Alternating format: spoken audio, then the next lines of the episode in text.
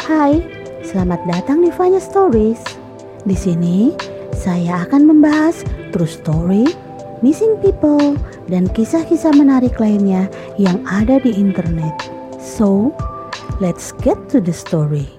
Tanggal 10 Januari 2019 jam 9 pagi, Charlie Wheelers menelpon 911 untuk melaporkan bunuh diri di rumahnya. Ketika polisi tiba, mereka menemukan Charlie di tanah di halaman depan rumahnya menangis. Meskipun laporan tersebut mencatat bahwa tidak ada air mata yang terlihat di wajahnya. Di dalam rumah ada pemandangan yang mengerikan di mana seorang ibu dan dua anaknya ditembak mati.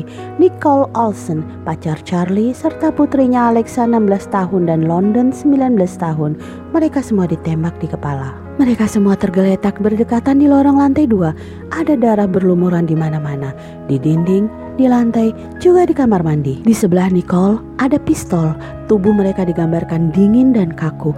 Polisi menyita ponsel dan dompet Charlie. Mereka berbicara dengannya. Charlie mengatakan sesuatu yang sangat menarik. Charlie berkata, dia bertengkar dengan Nicole malam sebelumnya dan dia meninggalkan rumah. Dia menghabiskan malam di rumah orang tuanya. Keesokan harinya, dia mencoba menghubungi Nicole dan yang lainnya, tapi gagal. Jadi dia kembali ke rumah. Saat itulah dia melihat tubuh mereka dan menelpon 911. Hal yang menarik adalah Charlie mengatakan bahwa Nicole melakukan bunuh diri setelah membunuh anak-anaknya. Charlie menghilangkan kemungkinan orang asing melakukan ini. Kasus ini langsung menyita perhatian publik karena jelas sangat tragis. Kejahatan ini terjadi di komunitas berpagar mewah di San Antonio, di mana kejahatan tidak mungkin terjadi. Mereka bertanya-tanya, apakah ada pembunuh yang berkeliaran atau apakah ini sesuatu yang lebih pribadi? Untuk menjawab pertanyaan ini, kita perlu berbicara tentang hubungan Nicole dan Charlie. Nicole dan Charlie terlihat seperti pasangan yang sempurna. Keduanya berpenampilan sangat menarik. Mereka memiliki semuanya: rumah, keluarga, bisnis, semuanya. Tapi hubungan mereka mengalami banyak kekacauan. Ini karena keduanya berasal dari dunia yang sama sekali berbeda. Charlie sangat kaya. Dia memiliki kedua orang tuanya. Dia dibesarkan di sebuah peternakan kuda. Dia menjalani gaya hidup yang sangat mewah. Namun dia tampaknya mendapat banyak masalah. Tapi dia juga berhasil keluar dari masalah itu dengan cukup mudah. Pelanggaran hukum pertamanya melibatkan alkohol. Ketika itu dia berusia 21 tahun, dia ditangkap karena mabuk di depan umum di sebuah klub malam. Dia mengaku bersalah dan dibebaskan hanya didenda 300 dolar. Setahun kemudian, Charlie ditangkap lagi dua hari setelah Natal. Dia mengemudi mobilnya di tempat parkir sekitar jam 2 pagi. Ada seorang polisi berdiri dan dia melihat Charlie mengemudi dengan sangat cepat dan agak tidak menentu. Dia menyenter ke sisi pengemudi mobil. Seketika Charlie menginjak gas dan mencoba melarikan diri. Polisi itu marah. Dia berlari dan berteriak mengejar mobil Charlie dengan berjalan kaki. Akhirnya Charlie berhenti. Polisi menyuruhnya keluar dan melakukan tes kesadaran lapangan. Sebagai bagian dari tes itu, dia meminta Charlie untuk menghitung mundur dari 31 sampai 10. Charlie menghitung mundur dari 31 ke 0 untuk membuktikan satu poin kepada petugas. Ketika tiba waktunya breathalyzer, Charlie menolak. Breathalyzer adalah alat untuk memperkirakan kadar alkohol darah dari sampel nafas. Charlie ditangkap tapi kemudian dibebaskan dan dakwaan dicabut. Ini bukan pertama kalinya dia ditangkap karena mabuk dan menolak breathalyzer. Tapi entah bagaimana, tuduhan itu akan dibatalkan. Beberapa tahun kemudian, pada tahun 2013, Charlie ditangkap lagi. Kali ini dia berada di bar hotel dan dia bersikap keras dan agresif. Jadi dia diusir. Alih-alih pergi, dia malah menyuruh pacarnya memesan minuman kemudian dia mulai minum. Dia akhirnya ditangkap dan kali ini dia tidak memiliki tuntutan. Saat itulah Charlie digambarkan oleh teman-temannya sebagai bujangan seumur hidup.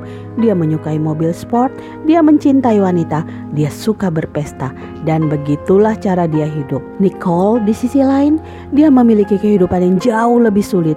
Dia kehilangan ayahnya dua hari sebelum Natal ketika dia berusia tujuh tahun karena overdosis heroin. Ibunya yang tertekan oleh semua ini menjadi pecandu alkohol. Nicole menggambarkannya sebagai alkoholik fungsional. Dia merasa sangat kesepian. Nicole menjadi ibu muda pada usia 15. Dia memiliki putra sulungnya, Skyler. Skyler berusia kuliah pada saat pembunuhan itu. Dia tidak tinggal bersama Nicole, jadi dia satu-satunya yang selamat dari keluarga itu. Nicole menikah dengan ayah Skyler ketika dia berusia 16 tahun. Setahun kemudian mereka bercerai. Ketika Nicole berusia 20 tahun, ibunya meninggal secara tidak terduga. Nicole mengambil alih peran sebagai orang tua untuk saudara laki-lakinya yang berusia 13 tahun. Jadi Nicole seorang ibu tunggal dan harus merawat adik laki-lakinya. Setahun setelah ibunya meninggal, Nicole menikah dengan pria yang akan menjadi ayah Alexa. Dia adalah seorang marinir Amerika. Mereka pindah ke Hawaii dan semuanya baik-baik saja selama sekitar 4 tahun sampai mereka bercerai. Setelah bercerai, Nicole meninggalkan Hawaii dan kembali ke San Antonio. Saat itulah dia bertemu dengan ayah dari anak bungsunya, London. Mereka bertunangan, tapi kemudian putus. Kemudian Nicole menjalin hubungan dengan Charlie. Itu adalah hubungan yang paling bergejolak. Nicole dan Charlie bertemu secara online. Charlie melihat foto-foto Instagram Nicole dan dia mendm-nya. Mereka berbicara. Nicole memberitahu Charlie bahwa dia mengadakan pertemuan bisnis di resort mewah, La Cantera Resort and Spa. Nicole meminta Charlie untuk datang dan bergabung. Ini terjadi di musim panas 2016. Vanessa Turney, seorang teman dekat Nicole ada di sana, jadi dia tahu banyak tentang hubungan mereka. Setahun dalam hubungan, mereka secara resmi pindah. Charlie membeli rumah rumah jutaan dolar di lingkungan yang terjaga keamanannya, memiliki sistem kamera pengintai 24 jam, serta satpam di pintu gerbang. Nicole meninggalkan apartemennya, membawa Alexa dan London bersamanya. Nicole memiliki karir sebagai penata rambut dan bisnis jam tangan dengan Vanessa dan seorang teman lainnya. Dia masih terus bekerja ketika dia tinggal bersama Charlie. Charlie melakukan pekerjaannya dan sepertinya semuanya baik-baik saja. Pada Mei 2017, Nicole muncul dengan mata hitam hitam. Dia sudah mencoba merias wajah untuk menutupinya. Saat itulah Vanessa bertanya padanya apa yang terjadi. Dia mengatakan dia baik-baik saja. Dia hanya bertengkar dengan Charlie. Dia tidak memberi rincian apa pun tentang perkelahian itu. Pada bulan Januari 2018, Nicole dan Vanessa pergi ke pertandingan basket di San Antonio. Saat mereka mengemudi, Charlie menelpon Nicole dan meminta Nicole menelpon Vanessa. Vanessa berkata bahwa Nicole dipermalukan oleh panggilan itu. Setelah pertandingan pertandingan, mereka pergi ke area lounge restoran. Charlie melihat GPS telepon Nicole. Dia melihat lokasinya tidak di stadion. Charlie menelpon, membuat Nicole semakin kesal. Nicole memesan minuman tetapi tidak menghabiskannya. Vanessa berkata, ada satu saat di mana dia berada di kolam air panas dengan Nicole. Mereka baru saja nongkrong, kemudian Charlie datang. Dia melihat ada sepotong pepperoni seperti dari pizza yang jatuh ke tanah. Charlie sangat kesal dan menyalahkan dua putri Nicole, Alexa dan London. Nicole mengatakan, tidak, mereka tidak melakukannya. Charlie memerintahkan Nicole untuk mengambil pepperoni itu dan Nicole melakukannya. Charlie marah lagi hari itu ketika sistem alarm di rumah berhenti berfungsi. Dia menyalahkan Alexa dan London lagi. Sekali lagi, Nicole berkata, tidak, mereka tidak melakukannya. Jadi Vanessa mengatakan dia sangat tidak nyaman sehingga dia akhirnya pergi setelah hanya dua jam. Saat keluar, dia memberitahu Nicole dia tidak menyukai Charlie. Vanessa berkata, sepertinya Nicole adalah seorang tamu di rumah itu. Dan Nicole berkata, iya saya seorang tamu di rumah ini. Ini rumah Charlie, ini bukan rumahku. Teman lain Nicole, Monica Petel, memberitahu media tentang insiden yang terjadi ketika Nicole muncul di rumahnya pada Juli 2017. Nicole muncul karena dia ditinggal oleh Charlie. Itu adalah anniversary mereka. Mereka pergi ke Galveston di sebuah hotel. Charlie, seperti yang dia lakukan sebelumnya, terlalu mabuk. Dia bersuara keras dan mereka bertengkar. Security mengusir Charlie dari klub, tetapi Charlie menjadi lebih agresif. Jadi security akhirnya mengusir Charlie dari hotel. Security mengantar Charlie ke kamarnya dan menyuruhnya mengambil barang-barangnya. Charlie harus meninggalkan hotel. Begitu Charlie mengambil barang-barangnya, dia memutuskan untuk mengambil barang-barang Nicole juga termasuk teleponnya. Charlie meninggalkan Nicole di hotel sendirian tanpa telepon. Nicole akhirnya naik taksi ke rumah temannya, Monica Patel, yang tinggal di daerah itu. Monica mengatakan, keesokan harinya, Nicole langsung pulang. Dia mengirim SMS mengucapkan terima kasih karena telah membantunya. Monica memberitahunya, jika Nicole butuh sesuatu, jangan ragu untuk menghubunginya. Tapi sayangnya, ini terakhir kali Monica dan Nicole berbicara. Sekarang kita kembali ke tragedi yang mengerikan itu. Beberapa hari setelah mayat mereka ditemukan, hasil otopsi keluar dan mengumumkan cara kematian itu. Cara kematian Nicole adalah bunuh diri dan cara kematian kedua gadis itu adalah pembunuhan. Sheriff tidak menerima begitu saja. Mereka akan terus menyelidiki. Keluarga juga sangat marah.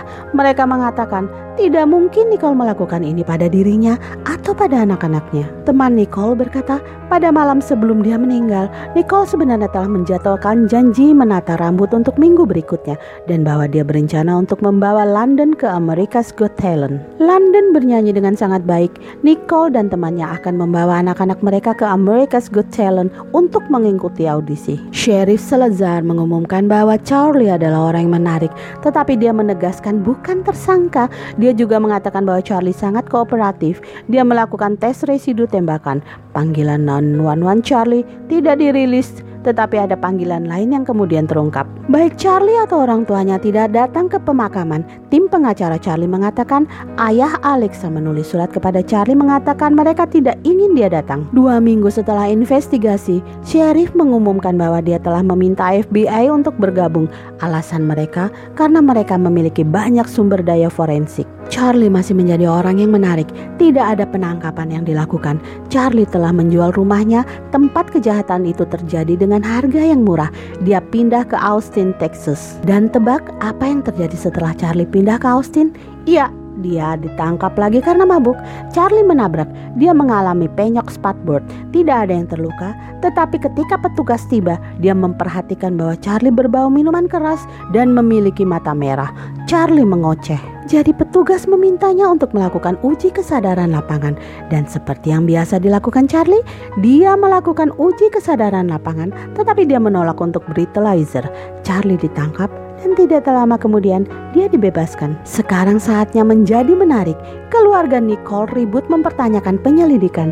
Jadi Sheriff muncul dan berkata bahwa dia melakukan tenggat waktu yang tegas bagi penyelidiknya untuk menyerahkan laporan akhir pada 31 Desember. Beberapa hari setelah laporan diserahkan, Sheriff menolak. Dia mengirimkan kasus tersebut kembali ke CID untuk penyelidikan lebih lanjut. Sheriff mengatakan ada banyak hal yang terlewat. 8 Januari 2021, Undang-Undang Pembatasan batasan untuk mengajukan gugatan perdata dalam hal ini akan segera berakhir. Ayah Alexa dan ayah London menggugat Charlie Wheeler. Yang menarik adalah potongan informasi yang terungkap tentang panggilan telepon dan aktivitas telepon yang terjadi pada malam pembunuhan tersebut. Orang pertama yang menggugat adalah ayah London. Seminggu setelah ayah London menggugat Charlie, ayah Alexa menggugat Charlie dan dia memiliki lebih banyak informasi tentang panggilan telepon dalam gugatan itu. The San Antonio Express News memperoleh tagihan telepon Nicole yang memiliki catatan telepon malam itu. Semua pesan teks ini dimulai pada 11 lewat 30 malam di mana Charlie memberitahu saudara laki-laki Nicole bahwa Nicole bertingkah aneh. Ada empat panggilan yang dilakukan dari telepon Nicole ke 911 dalam rentang 2 menit. Jadi kurang dari setengah jam sebelum Charlie berkata dia bertingkah aneh, Nicole mungkin mencoba menelpon 911. Masalahnya adalah panggilan-panggilan itu tidak pernah terhubung. Jadi pada hari semuanya terjadi, Nicole punya rencana untuk membawa London ke audisi The America's Got Talent dengan temannya Debbie. Mereka berbicara beberapa kali dan semuanya tampak baik-baik saja. Tetapi kemudian sekitar pukul 6 sore, Nicole menelpon Debbie. Dia tiba-tiba membatalkannya. Nicole bertingkah aneh di telepon ini. Kemudian Nicole menelpon ayah London dan mereka berbicara tentang audisi. Ayah London mengatakan bahwa Nicole juga mengatakan kepadanya dia tidak ingin membawa London ke audisi, tetapi dia ingin mendaftar mengantarkan London dalam pelajaran vokal itu terjadi sekitar pukul 9 malam. Tiba-tiba pada pukul 11 ada banyak panggilan dari telepon Nicole. Pertama ke ibu Charlie dan kemudian empat kali ke 911. Sekitar 15 menit setelah panggilan terakhir ke 911, Charlie mengirim SMS ke saudara laki-laki Nicole, Justin. Mengirim SMS ke Alexa yang mengatakan bahwa Nicole menjadi aneh dan dia pergi. Kemudian seperti yang kita semua tahu, keesokan paginya ketiganya ditemukan tewas. Saya ingin tahu apa yang kalian pikirkan. Menurutmu, apakah Nicole melakukan ini? Atau Charlie? Atau apakah ada orang asing yang melakukannya? Saya sangat berharap ada jawaban segera karena keluarga sangat membutuhkan keadilan. Terima kasih sudah hadir dan sampai jumpa di sesi selanjutnya. Bye, stay safe. Thanks for joining. Jika Anda suka, jangan lupa untuk subscribe, like, dan share ke teman-teman. Sampai jumpa di cerita berikutnya. Bye bye.